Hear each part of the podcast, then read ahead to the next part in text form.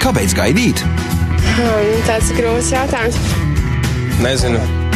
Laikam nav svarīgi. Es nezinu. Nu. Nu, ja jau tā ir mana vienīgā. Raidījums Kāpēc gaidīt? Esiet sveicināti, mīļie radio klausītāji. Ar jums raidījums Kāpēc gaidīt? Un studijā esmu es Dainis. Un šodien mēs turpinam runāt uh, par tēmu, ko mēs jau iesākām pagājušajā reizē, pagājušajā nedēļā, proti par tikumiem mūsu dzīvē. Tad tikums ir vērtība, princips, varētu teikt, rakstur iezīme, uz ko Dievs aicina tiekties, lai mūsu dzīve būtu piepildīta ar visa veida labumu. Piemēram, vēstule Filipiešiem 4.8 saka, beidzot, vēl brāļi, kas vien ir patiess, kas svēts, kas taisns, kas šķīsts, kas patīkams, kam laba slava, ja ir kāds tikums, un ja ir kas cildināms par to domājiet. Tad, tad Dievvvārds mums aicina tiekties pēc tikumiem, domāt par tikumiem, meklēt viņus. Jo bieži vien mēs uh, apstājamies savā dzīvē ar to, ka mēs runājam par nedrīkst šo, nedrīkst to, nedrīkst tā uzvesties, nedrīkst tā runāt, nedrīkst to skatīties. Uh, bet kristietība nav uh, lieta, no kuras laika no kaut kā jābaidās. Patiesībā otrādi - kristietība lieta, pēc kā ir kaut kur jātiecās. Jātiecās pēc tā, kas ir labs. Un tikai tad, kad mēs tiecamies pēc tā, kas ir labs, mēs varētu sākt redzēt pārmaiņas mūsu dzīvē ja visu laiku mēs domāsim, no kā ir jāuzva, jāizvairās, jāmainās, tad mēs vēl joprojām dzīvojam verdzības bailēs. Un tāpēc ir ļoti svarīgi runāt par tikumiem um, mūsu dzīvē, lai mēs dzīvojam uh, šo Dievu vārdā atklāto garīgo dzīvi, nevis tikai visu laiku vairāmies no tā, kas nav pareizs. Un pagājušajā reizē es jau iepazīstināju ar vienu no četriem kardināliem, četriem galvenajiem tikumiem, eh, proti par savaldību, citā vārdā mēs varam teikt eh, atturību, paškontrole, eh, vēl viņu var tulkot kā mērenību, tātad spēju valdīt pār savām miesas tieksmēm saprātīgā veidā. Tātad, un var būt gan galējības, gan vienā, gan otrā. Piemēram, normāli mums ir vēlme eh, ēst. Un eh, pārmērība būtu pārēšanās, un atkal eh, nu, nepareizs, jeb otrs grāvis būtu vispār atteikšanās no ēdiena. Izņemot, ja nu runa nav par gavēnu garīgu iemeslu dēļ vai veselības dēļ, bet vispār ienīst ēdienu kā tādu. Jo Bībele saka, ka visas lietas ir Dieva radītas, un, un, un viss, ko mēs baudām ar pateicību Dievam, ir labs. Un tāpēc tikuma palīdz mums noturēties uz zelta vidusceļa, uz saprātīgu zelta vidusceļa, kas mums palīdz dzīvot dzīvi, kura piepildīta ar visādu veidu labumiem. Šodien es vēlētos runāt par vēl vienu tikumu, kas izriet no pagājušā reizē runātā tikuma, proti eh, no savaldības, spēja valdīt pār sevi. Tad eh, ir nu, noformulēti četri kristīgajā pasaulē, četri galvenie tikumi, no kuriem eh, kas paver durvis uz visām pārējām labajām raksturīpašībām, vērtībām, uz kurām mums tiekties. Tātad tās ir saprāts, tā ir taisnīgums, tas ir um, drosme un spēja valdīt pār sevi. Un spēja valdīt par sevi ir, ir mērķis pasargāt mani no ļaunuma, jeb turēt tīru manu iekšējo morālo cilvēku. Un šodien es gribētu runāt par tikumu, kas no tā izriet no savaldības, proti par šķīstību. Par tikumu, ko mēs nosaukt vārdā šķīstība, tīrība. Pretējs tam būtu nešķīstība, nešķīsts.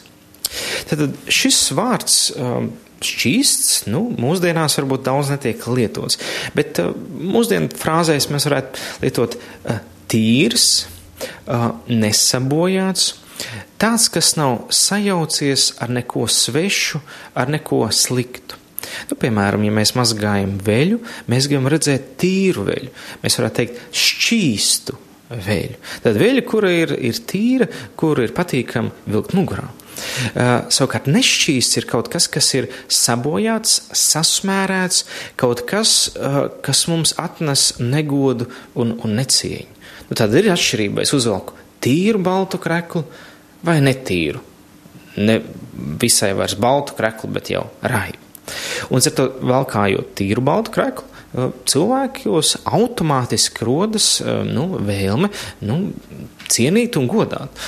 Ja esat pavērojuši kādreiz uzvelkuši īpašu svētku drēbes, kā jūs jūtaties?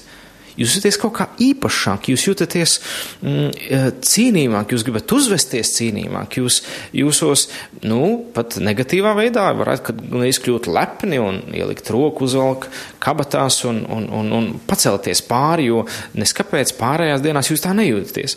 Eh, bet uzvalkot tieši svētku drēbes, jūs jūtaties īpašāk, jūs tā kā piešķirat tam brīdim, tai dienai papildus vērtību.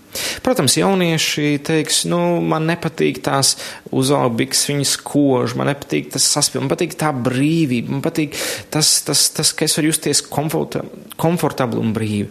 Uh, jā, protams, par to mēs arī varam runāt, bet ir bet mēs runājam par to, kā mēs jūtamies, ja esam tīrās drēbēs.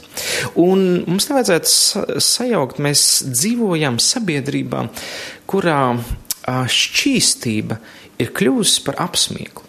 Mēs bieži vien lietojam, vai esam dzirdējuši šo frāzi, ja baltais zvirbulis vai, vai, vai baltā vārna, ja tas, nu, tas šķīstais, tas tīrais, un kaut kādā veidā visi grib viņu aptraipīt, lai viss kļūtu vienādi netīri, un neviens nejustos kaut kā vainīgs, ka viņš ir netīrs. Līdz ar to šķīstība ir īpašs tikums, kam jāpiemiet ir kristietim. Tā varētu būt kaut kas tīrs, kaut kas, kā Dievvvārds saka, lai mēs esam šķīsti un nepaļami uh, Dieva bērni šajā sabojātajā pasaulē, šajā samaitātajā pauzē. Ar to tā būtu kristiešu vērtība, pēc kuras tiekties. Un tāpēc šodien arī runāsim, vai tu un es, vai mēs tiecamies pēc šī tikuma, pēc šķīstības, vai tas ir tas, pēc kā tu ilgojies, vai tu tomēr ilgojies pēc lietām, ko šī pasaule patiesībā augst, bet Dievvvārds saka, tā ir nešķīstība, tā ir netīrība, tā Dievam nav pieņemama, jo tā nenāk no Dieva. Kāpēc Dievam nav pieņemama? Tāpēc, ka Dievs nekad to nav radījis, Dievs nav paredzējis. Un tāpēc arī šodien ir svarīgi saprast, kas ir šis šķīstības tikums. Tātad šķīstības tikums ir specifiski saistīts ar, varētu teikt, tīrību, kārtību mūsu šajā, varētu teikt, intīmā jeb seksuālajā sfērā. Tas ir tikums, kas pasargā mūsu iekšējo morālo cilvēku. Tātad nešķīstība ir atkal kaut kas, kas pārkāp šīs dieva ieliktās kārtības šajā intīmajā sfērā un sajauc un nojauc robežas. Līdz ar to pārkāp dieva ielikto kārtību. Tātad nu, mēs varētu teikt, mēs varam uzvilkt baltu kreklu, bet ja viņš nav izgludināts, ja viņš ir ar krunkām un ar traipu, tad ja es runāju, tad bez krunkas un bez traipa. Tātad izgludināts un balts. Tātad mēs varam savā veidā uzvilkt baltu kreklu, bet ja viņš nav izgludināts, nu, tomēr nav tā svētku sajūta, jo nu, kaut kas eh, pietrūkst. Un, un tāpēc um, krunkains, sajaukts, uh, tas arī varētu teikt garīgi simbolizē nešķīstību. Tur, kur kaut kas nav kārtībā, kaut kur nav kārtīgi salikts. Līdz ar to Dievvvārds arī atklāja, ka Dievs nav nekārtības, bet miera Dievs. Tad interesanti, tur nav teikts, Dievs nav nekārtības, bet kārtības Dievs. Nē, tur teikts, Dievs nav, nekār, nav nekārtības, bet miera Dievs. Uh, jo kārtība un miers iet roku rokā. Tātad Dievs ir radījis pasauli ar konkrētu kārtību, Katrai lietai ir savs nodoms, savs mērķis un robežas, kurās tas nes svētību. Tikko šī kārtība dieva ieliktā tiek sajaukta, to sauc par sabojātību, izvirtību, um, ļaunumu, mēs varētu pat teikt tā. Tātad labais ir strādā, darbojas, un svētība ir tikai tajā, kas ir saskaņā ar Dieva paredzēto radīto kārtību. Un tieši tāpat arī, varētu teikt, šī intīmā, jeb seksuālā sfēra, Dievs radīs ar konkrētu kārtību, konkrētu mērķi, lai tā nestu labumu un svētību. Tikko tas tiek iznests ārpus dieva paredzētā mērķa, tas ir sajaukums, to sauc par nešķīstību, nekārtību. Un sekas tam ir nemieris. Mūsu iekšējais cilvēks jūtas ļoti, ļoti nemierīgs. Un mēs runāsim uh, par to arī nedaudz vēlāk. Tātad um, Dievs ir paredzējis, ka viss ir saskaņā ar viņa gribu. Tātad viņš ir, varētu teikt, kārtības noteicējs. Un uh, Dievārds saka, ka viņš visu ir nolicis, uh, uh, jeb šo varu, šo kārtību noteikt lietas savam dēlam, sava dēla, uh, nu, tātad savam uh, mantiniekam, ko viņš ir licis par kungu, kungu ķēniņu, ķēniņu, kurš ir jaunās, varētu teikt, pasaules kārtības, mēs varētu teikt, eh, bet tiešām dieva kārtības noteicējs. Piemēram, ebrejiem 2,8 teikts, visu to es licis zem viņa kājām, un pakļaujot viņam visu, viņš nekā nav atstājis, viņam nepakļāvis. Tātad nav nekas, tātad tur, kur ir nepakļāvība Dieva kārtībai, mēs to saucam par dumpi, par pārkāpumu, par paredzētā dieva plāna sajaukšanu. Un, un ja Kristus ir, ir nolikts par galveno, un mēs viņam kādu lietu nepakļaujam savā dzīvē, šajā lietā vai no svētības, vai ir dumpis, vai nāk iekšā, piemēram, nešķīstība. Tas nozīmē, visam mūsu ķermenim vajadzētu pagodināt Dievu. Jā, tātad viss, ko mēs darām ar savu ķermeni, vai nu tas pagodina Dievu, vai tas nepagodina Dievu. Kā to mēs varam atšķirt, vai mans ķermenis pagodina Dievu? Tad pirmkārt, vai es ar savu ķermeni daru lietas, kas nes svētību, dzīvību, mieru? Nu, piemēram, ja es ar savu, savām rokām daru labu darbu, kas palīdz teiksim, citam, teiksim, varbūt sakrāmēt malku, vai, vai noglāstīt, vai mm, sarokoties, vai aizlūdzot, uzlikt rokas. Manas rokas nes godu Dievam. Bet, ja es ar savām rokām daru kādam pāri, ja es savām rokām dzīvoju nešķīstībā, tad tās nes Dievam godu. Tieši tāpat mēs varam runāt arī par savu prātu un savām smadzenēm. Kādas domas ir manā prātā? Filipiešiem mēs lasījām, domājot par to, kas ir labs, ja, kas ir svēts, kas ir taisns, kas ir šķīsts. Tad šodien mēs runājam par šķīstību. Domāt par lietām, kas ir tīras, domas, kas mēs zinām, arī Dievs varētu domāt. Nu, piemēram, mēs redzam, pa ielu iet cilvēks nabadzīgās drēbēs. Netīra doma būtu, ai, cik labi, ka es neesmu tā kā viņš. Es gan smaržoju, es gan šodien biju dušā. Tas ir domas, kas ir vērstas uz sevi. Šķīsts domas būtu, kā Dievs redzētu šo cilvēku. Un Dievs redzētu cilvēku, kurš ir trūkumā, cilvēks, kuram iespējams es pat varu palīdzēt, cik es spēju un cik tajā situācijā um, es varu vai cik Dievs no manis gaida. Tad redzēt otra vajadzības, tas ir šīs skatiens. Redzēt tikai savas vajadzības, varētu teikt, ir netīrs, egoistisks skatiens. Un, un līdz ar to domas, kas ir labvēlīgas, mīlestības pilnas, uh, saprātīgas, uh, tās ir tās, kas ir no Dieva. Jo Dieva vārds skaidrs saka, ka gudrība, kas ir no debesīm, vispirms tā ir šķīsta, tā ir tīra, tā ir nesavtīga. Tā nav saistīta ar ienaidu, ar iekāri, ar greizsirdību. Un, un līdz ar to arī eh, man, manam ķermenim ir jādzīvo šķīstībā. Dievs saka, lai mēs pagodinam Dievu ar savu miesu.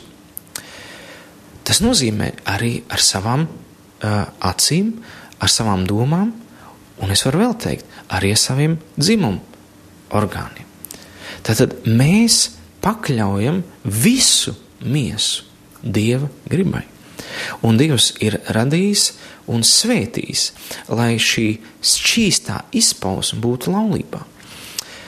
Ir mūsdienu kristietībā var, ir ienākuši tādas interesantas, savdabīgas, es gribētu teikt, herētiskas domas par to, ka seksualitāte ir kaut kas nešķīsts. Tā nav taisnība. Eh, Pāvils pārmeta par to, ka bija kādi herētiķi, eh, restīvi maldu mācītāji, kas saka, ka mēs nedodam Dievam godu, eh, ja mēs nepateicamies par ēdienu un aizliedzam doties laulībā, ko Dievs ir paredzējis, ko Dievs ir ielicis. Tātad savā veidā. Savā laikā Jānis Zelta mute teica par to, ka viņš pārmet cilvēkiem, par kuri viņš saka, nu, Dievs ir radījis intīmas attiecības. Vai jūs tiešām jūtaties, ka tas ir kaut kas nešķīsts un slikts? Jūs sākat uzvesties kā herētiķi, kā maldu mācītāji. Tātad intīmas attiecības laulībā ir šķīstas, jo katrs pāris, kas to dara, viņi taču to nedara tikai priekš dieviem vien. Visi eņģeļi viņus tajā brīdī var vērot, un Dievs iespējams arī. Mēs bieži vien par to nedomājam, ka garīgajā pasaulē mūs vēro. Bībele saka, ka mēs skrienam, uh, kur ir daudz pulks uh, liecinieku mums. Un ar to uh, laulības uh, dzīve ir Dieva pagodinoša dzīve. Un ar to uh, šķīstību ir tikums, kas cenšas sargāt šo dievilikto likumu, šo uh, dievu principu, lai intīmā sfēra būtu šķīsta un tīra. Un tā šķīsta un tīra laulībā. Romiešiem 6.13 saka, nenododiet arī savus locekļus par netaisnības ieročiem grēkam, bet nododiet sevi pašus Dievam kā tādi, kas no mirušiem kļuvuši dzīvi, un savus locekļus, tātad mūsu ķermeni, par taisnības ieročiem Dievam. Tad grēks vairs nebūs jūsu kungs, jo jūs nesat padot bauslībai, bet žēlastībai. Līdz ar to, ja cilvēks ir uh, kaist kārībā, un viņš nav precējies, un, un viņš ļaujas intīmām uh, tieksmēm, tā ir nešķīstība Dieva acīs. Jūs varat teikt, jā, jā, bet mēs taču esam, mēs ejam uz baznīcu, mēs esam kristījušies. Jā, bet jūs nodarbojaties ar nešķīstām lietām. Tā nav Dieva ieliktā kārtība. Dievs to nevar svētīt. Tas nav viņam paredzēts. Viņš ir no sākuma svētīja Ādamu un Ievu, un tikai tad teica pavēli augļoties un vairojieties. Jūs gribat šķīst simtīmas attiecības dodieties laulībā. Jūs varat teikt, jā, bet mums nav naudas, mēs vēl neesam pabeiguši augstskolu, mums vēl nav labs darbs. Kāzas maksā 20 eiro. Vairāk nesama, ne, nesanāk. Jā, protams, ir grēdzena un tā tālāk, bet kas ir svarīgāks? Mans ārējušās skaistās kāzas vai šķīstība Dievu priekšā? Tas ir jautājums. Kas man svarīgāks? mana krāšņā dzīve vai manas attiecības ar Dievu. Es vienkārši izmetu šos frāzes, lai mēs domātu, lai mēs pamostos, lai mēs nedzi, ne, negulētu tādā garīgā mīgā, sakot, viss jau man kārtībā, jo es esmu kristies, un tāpēc es tagad varu darīt, kā es gribu. Jā, tu vari darīt, kā tu gribi, bet par visu ir cena. Par visu mēs maksājam. Vai nu ar svētību, vai nu ar nesvētību alga nesvē, nepaklausībai ir nesvētība. Alga paklausībai ir Dieva svētība un labvēlība. Arī pret saviem bērniem, jo Dievs izturās pret mums kā pret bērniem, un Viņš pārmāca, ja mēs rīkojamies nepareizi. Cik daudz reizes Dievs mani nepārmāca. Katru reizi, kad es daru kaut ko nepareizi, kad es daru kaut ko to, kas nav viņam patīkami, viņš man neatlaiž. Viņš man liek tik ilgi nemierā, kamēr es nenāku un to nenožēloju un nepakļaujos viņa gribai.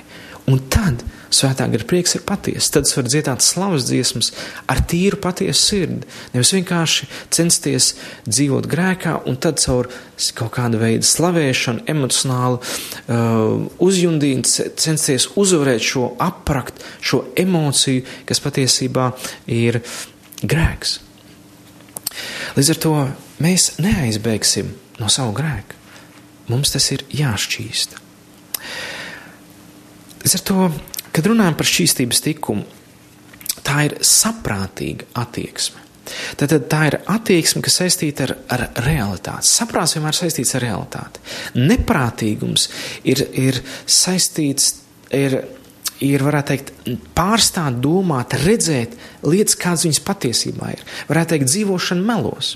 Tad saprātīgums ir ļaut Dievam parādīt reālo ainu par manu dzīvi, par manu situāciju, par manām attiecībām. Es jau varētu teikt, oh, kāds brīnišķīgs, skaists karalis. Bet tad ir kāds mazs pravietis, vēl zēns, saka, bet karalis ir kails, tur nekā nav. Un tieši tāpat arī ar mums. Mēs varam iedomāties, ka mums ir viss kārtībā, bet tad Dievs var sūtīt kādu, kas pasaka tā, kā patiesībā ir. Ar to saprātīgums nozīmē dzīvot saskaņā ar realitāti, nedzīvot pašiedomās. Necitēt sev tikai Bībeles pants, kurus man patīk, un pasludināt un dzīties pēc viņiem. Tas ir ļauts svētiem garam, kas ir patiesības gars, kas ir realitātes atklājis, dod man atklāsmi, ieraudzīt savu dzīves situāciju. Un tad mēs varam runāt, ka mēs esam sadraudzībā ar Dievu. Jo ir atšķirība ticēt Dievam un būt sadraudzībā ar Dievu. Ticēt Dievam nozīmē, ka Viņš ir, jā, ka Viņš ir mans glābējs, jā, ka Viņš var palīdzēt. Bet dzīvot sadraudzībā ar Dievu nozīmē, ka es dzīvoju kopā ar Dievu un tā kā Viņš grib, lai es dzīvoju, un ļauj Viņa garam parādīt manu dzīvi. Tā ir sadraudzība ar Dievu. Grieķu vārds koinonija nozīmē kopīgums, ka viss man ir kopīgs, viss man ir vienots ar Dievu. Līdz ar to šķīstība, šķīstība skatās uz lietām, lai tās lai būtu vienotība. Restīvi, šķīstība skatās uz intīmu attiecībām kā iespēja būt maksimāli vienotam derības attiecībās. Nešķīstība ir sautīga, egoistiska. Tā grib tikai sevi, apmierināt tikai savu iekāri. Un līdz ar to š, Dievs skatās uz mani un tevi ar šķīstām acīm. Viņš grib būt vienots ar tevi, viņš grib būt šajā sadraudzībā, šajā koinonijā. Līdz ar to tuvas attiecības starp vīru un sievu ir iespējams tikai, ka abi ir sirdī šķīst, ka abi grib otra labumu, grib piepildīt otra vajadzības. Līdz ar to šķīstība ir svarīga ne tikai pirms laulībām, tā ir ļoti svarīga laulībā, lai laulātie pāri būtu vienoti, lai viņi būtu šajā sadraudzībā, koinonija, kur viss ir kopīgs, kur nav nekāda noslēpuma, kur nav uh, kāda netīrība starpā. Līdz ar to šķīstības tikums ir svarīgs ne tikai pirms laulībām, tas vajadzīgs arī laulībā. Laulībā redzēt otru partneri ar šķīstām acīm, savu dzīves draugu, savu dzīves biedru. Un ar to saprātīga attieksme ir, ir tas, ko šis šķīstības tikums mums māca. Tas palīdz uzturēt saprātīgu, varētu teikt, seksuālu dzīvi. Tad nevis vienkārši skriešana pakaļ baudai, bet drīzāk ļaut šo seksuālo piepildījumu piedzīvot laulības robežās. Jo skriešanas pakaļ baudai nozīmē zaudēt attiecības, nozīmē zaudēt veselību, tas nozīmē zaudēt ģimeni un savu godu. Šķīstība to visu tev pasargās, šķīstība tev visu to dos, bet nešķīstība tev visu to paņems projām. Līdz ar to mēs varētu teikt, ka saprātīga attieksme ir uh, izpaužās tādās trīs lietās. Tad pirmkārt, uh, tā dod tev piepildījumu laulības dzīvē, otrais, tā patur tevi šķīstu iekšpusē. Viņa patur tavu sirdi tīru, skaidru, um, tādu, kas ir spējīga uh, sajust Dieva vadību. Un trešais, uh, šķīstība tev pas, pali, palīdz palikt taisnībā, saprātīgā taisnībā, ar attiecībās cilvēkiem. Tad netaisnība ir tad, kad es krāpju otru, tad, kad es iekāroju to, kas otram ir. Tad, kad es gribu to, kas citam ir un dabūt sev atņemt, es kļūstu netaisns, ja es kļūstu par dieva likuma pārkāpēju. Šķīstums tevi patur taisnīgās attiecībās ar citiem un taisnīgās, pareizās attiecībās ar Dievu. Ar to pretēji mēs varam pastīties, kas ir nešķīstība. Nešķīstība ir šī seksuālā spēka un izpausmes izkropļojums. Šis spēks nekontrolēti sāk valdīt pār tevi. Tas paņem un ved tevi tur, kur tu nevēlies, un satver tevi tā, ka tu nespēji tikt no tā vaļā. Ar to šķīstības saprātīga attieksme pret seksuālo uh, spēku un izpausmi. Un viņa to gribēs glabāt un turēt laulībā. Otrais nešķīstība ja šķīstība tev uztur iekšpusē tīru, tad nešķīstība sakropļo mūsu iekšpusē. Ja es teicu, ka no mūsu uh, sirds nāk sakropļotas domas, netīras domas, nešķīstība iekšpusē tev sabojā. Tu, tu atver avotu nevis svētam tīram ūdenim, bet tu atver avotu nešķīstam ūdenim, varētu teikt, nešķīstam garam. Mēs varam lasīt Bībelē, kur ir daudz reizes Jēzus ar savu svētumu, tīrību. Viņā šis šķīstības tikums bija simtprocentīgi uh, piepildījies. Viņš, kad viņš sastapās, tur, kur bija šī nešķīstība, izpaudās kas? Nešķīsti gari. Gari, kas iet pret dievu ielikto kārtību. Līdz ar to nešķīstība ir pretdievišķa, tā ir antikrista uh, gara ietekme. Tātad tā ir, tā ir uh, zaimojoša gara ietekme. Ja jūs pavērosiet, kas ir viena no viszaimojošākajiem, dievu zaimojošākiem cilvēkiem. Tie cilvēki, kur dzīvo seksuālā grēkā. Un nedaudz runāsim, ko izdara nešķīstība ar mums vēl vairāk. Un trešā lieta - nešķīstība ir netaisnība. Tā pārkāpj citu cilvēku robežas un tos ievaino. Tāpēc nešķīsts cilvēks ir ļaundaris un garīgs noziedznieks. Tur teikt, bet kā? Kā es varu būt? Kā? Vai tas nav paskaļi šie vārdi? Kāds ļaundars? Es daru? Es, tik, es mīlu to cilvēku, mums ir intīmas attiecības. Jā, tu tā saki, bet tu nezini, kad ja jums ir šīs attiecības, tad jūs rādat piemēru un sajaucat dievu kārtību pirmkārt tiem, kas jūs ir vienaudži, otrkārt pēcnācējiem. Bībele saka, ka uh, vecāku grēki ir trijās, četrās paudzēs. Līdz ar to tu varbūt dzīvo nešķīstībā, bet tev dzīvo bērni. Kā tev liekas, kā šis nešķīstības grēks ietekmēs tavus pēcnācējus. Parasti tā ir kā sniega bumba. Ja vecākiem tas ir nedaudz, tad bērniem tas ir vairāk, un mazbērniem vēl vairāk. Jā, šodien tu esi laimīgs, šodien tu esi priecīgs, bet iespējams trijās, četrās paudzēs varbūt arī var beigties tev dzimta, jo viss izjuks, jo dot šī nešķīstībai vieta tavā dzimtā, tavos pēcnācējos. Tā ir garīga lieta, kas ienāk. Varētu teikt, tu dod vēlnam ārdīt savu dzimtu garīgi. Protams, mēs varam runāt arī par citām lietām. Mēs varam runāt par to, ka uh, nav garantija, ka jūs paliksiet kopā, kad jūs apprecēsieties un jūs izšķirsieties. Šī nešķīstība jums ies līdzi. Tāpat arī mēs runājam par, protams, par fizisku izpausmu nešķīstībai. Tās ir seksuāla transības slimības, tās ir nevēlama grūtniecība, tā ir seksuāla atkarība, kur šīs kaisles, ja tās netiek saprātīgi pārvaldītas, un, un tas nozīmē uh, līdz laulībām, ja tu pār tām nevaldi līdz laulībām, nav garantijas, ka tu valdīsi pār tām laulībām, jo nešķīstība neizvēlas vienu dzīves partneri.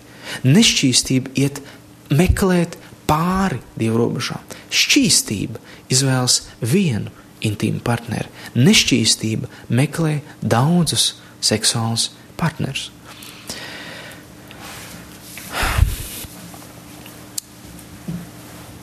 Mēs varētu uh, runāt par piemēriem.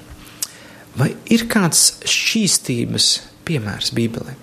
Mēs redzam ļoti daudz nešķīstības piemērus, bet mēs redzam arī šķīstības. Īpašākais no tiem, es jau minēju par Jēzu, bet runāsim vēl par kādu cilvēku, par kādu vīru, par jaunu vīrieti, spēka gados, kur es uzskatu par brīnišķīgu piemēru šķīstībai. Un tas ir Jāzeps. Vai zināt, kas ar Jāzepu notika? Tad viņu brāļi pārdeva uh, vergu tirgotājiem, un viņš nonāca uh, Eģiptiešu Potifara uh, namā. Un tur bija situācija, kur Potifara sieva, tāpēc ka vīrs bija daudz projām, un viņa bija ar nešķīstu garu, jeb nešķīsta, tad viņai dieva svētums intīmajā sfērā nebija svarīgs. Viņa uh, nāca un kārdināja un uzmācās Jāzepam. Un es dzirdēju kādu mācītāju runājumu, uzdodam jautājumu, kā jums liekas, cik ilgi pastāvēja šīs jāzepa kārdināšanas. Jo liekas, pēc tā lasītāja ir, nu kā vienu dienu viņi uzmācās, un, viņš, un, un, un Jāzep izdarīja izvēli, kā es varu grēkot pret savu dievu, un viņš aizbēga no šīs sievietes apskāvieniem. Bet šis mācītājs teica, nē, tie bija 11 gadi. Tad viņš bija vergs šajā šī Potifara namā, tad viņš, Potifars devās uz darbu, un Jāzeps palika tur mājās. Šis jaunais vīrietis, kur teikts, ka viņš bija izskatīgs, ka viņš bija tātad fiziski um, laba izskata. Un viņš paliek mājās ar ko? Ar sava kunga sievu, kura, un, un, un tur iespējams teiks, ka, uh, ka viņiem nebija bērni Potifara viņa sievai. Un, un uh, nav zināms, kāpēc, kas ir par iemeslu, bet es ticu, ka viņa kārdināja viņu ne tikai tajā reizē, ka tas bija no laika, no laika, no laika 11 gadu garumā. Un Jāzeps šo kārdinājumu izturēja. Viņā parādījās šis tikums savaldība un šķīstība. Un viņš, viņam attiecības ar Dievu bija tik svarīgas, ka viņš teica, kā es varu grēkot pēc savu Dievu. Tad viņš neļāvās vienkārši šim mirklim. Viņš zināja, kad viņš pazaudēs šo šķīstību savā sirdī un viņš izvēlējās bēgt. 11 gadus kārdināts, un viņš izturēja. Viņš ir brīnišķīgs piemērs mums ikvienam vīrietim, jo mēs droši vien nedzīvojam iespējams tādā vietā, tādā mājā, kur ir, ir uh, kundze, kas visu laiku gribētu mums uzmākties. Mēs bieži vien paši kaut kur ar savām acīm kaut kam gribam uzmākties, ļaujamies nešķīstībai. Un mēs varētu teikt, jā, bet kārdinājumi ir tik, tik spēcīgi. Bet es tev gribētu iedrošināt. Tas, ka tu saki, ka kārdinājumi ir spēcīgi, tas kaut ko tomēr par tevi pasaka. Jo, kā teica Klaivs Stēpls Luis, ļauns cilvēks nemaz neapzinās, kas ir ļaunums un kārdinājumi. Jo viņš vienmēr tiem ir ļāvies. Kamēr kārdinājuma spēki ir izjūts tikai tas, kurš ir izvēlējies tam pretoties.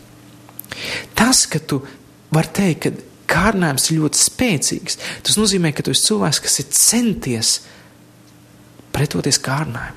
Un tas ir labi. Tāpēc, ka tu esi dzinies pēc šķīstuma, pēc tikuma, pēc likumības. Un tas ir ļoti labi. Un kārdinājums ir spēcīgs, bet to ir iespējams uzvarēt.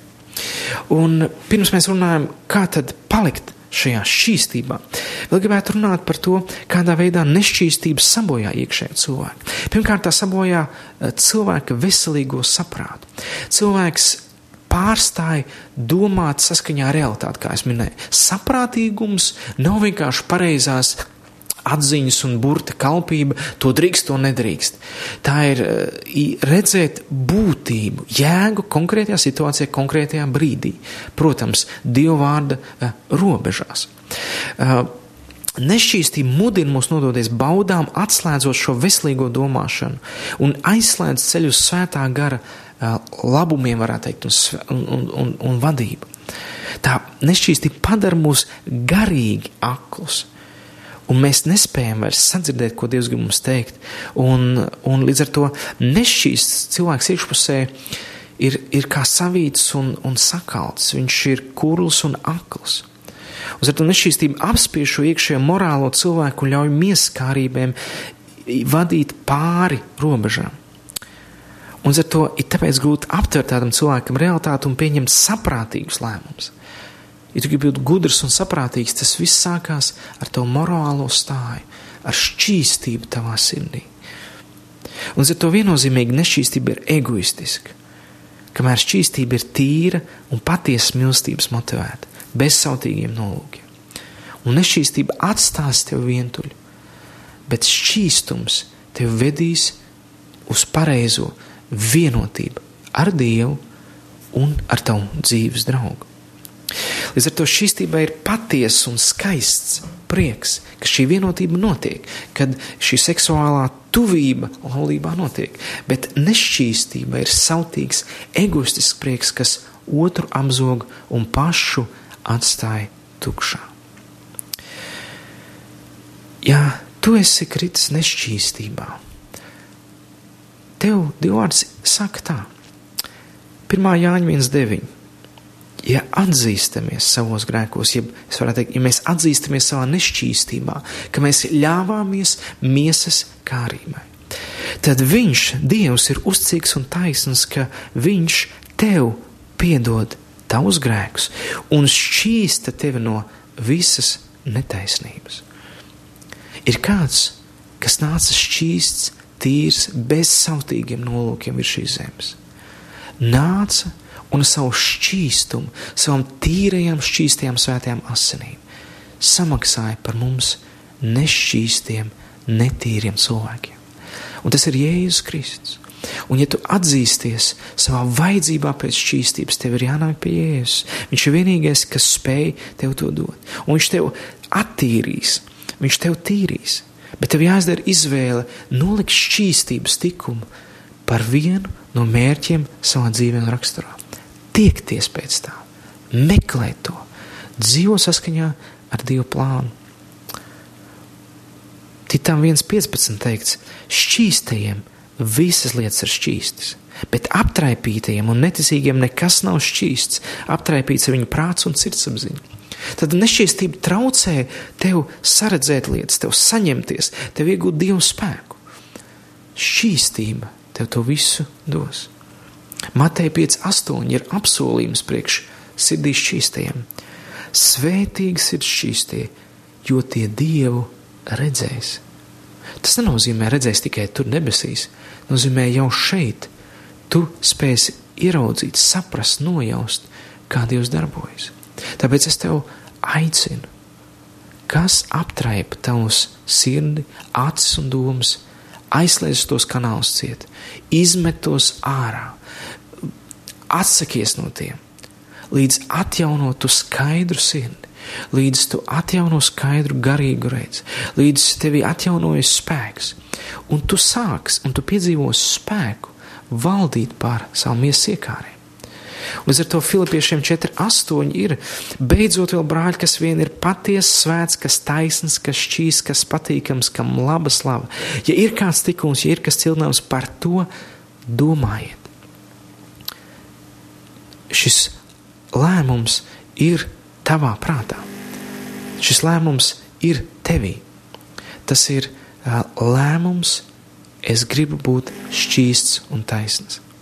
Un tāpēc ir tik ļoti uh, svarīgi izdarīt šodien izvēli. Es gribu Dievs būt šķīsts.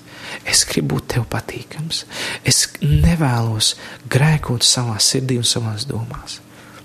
Es pateicos Ja tu esi precēts, pateicies par savu laulību, izbaudi savu laulību.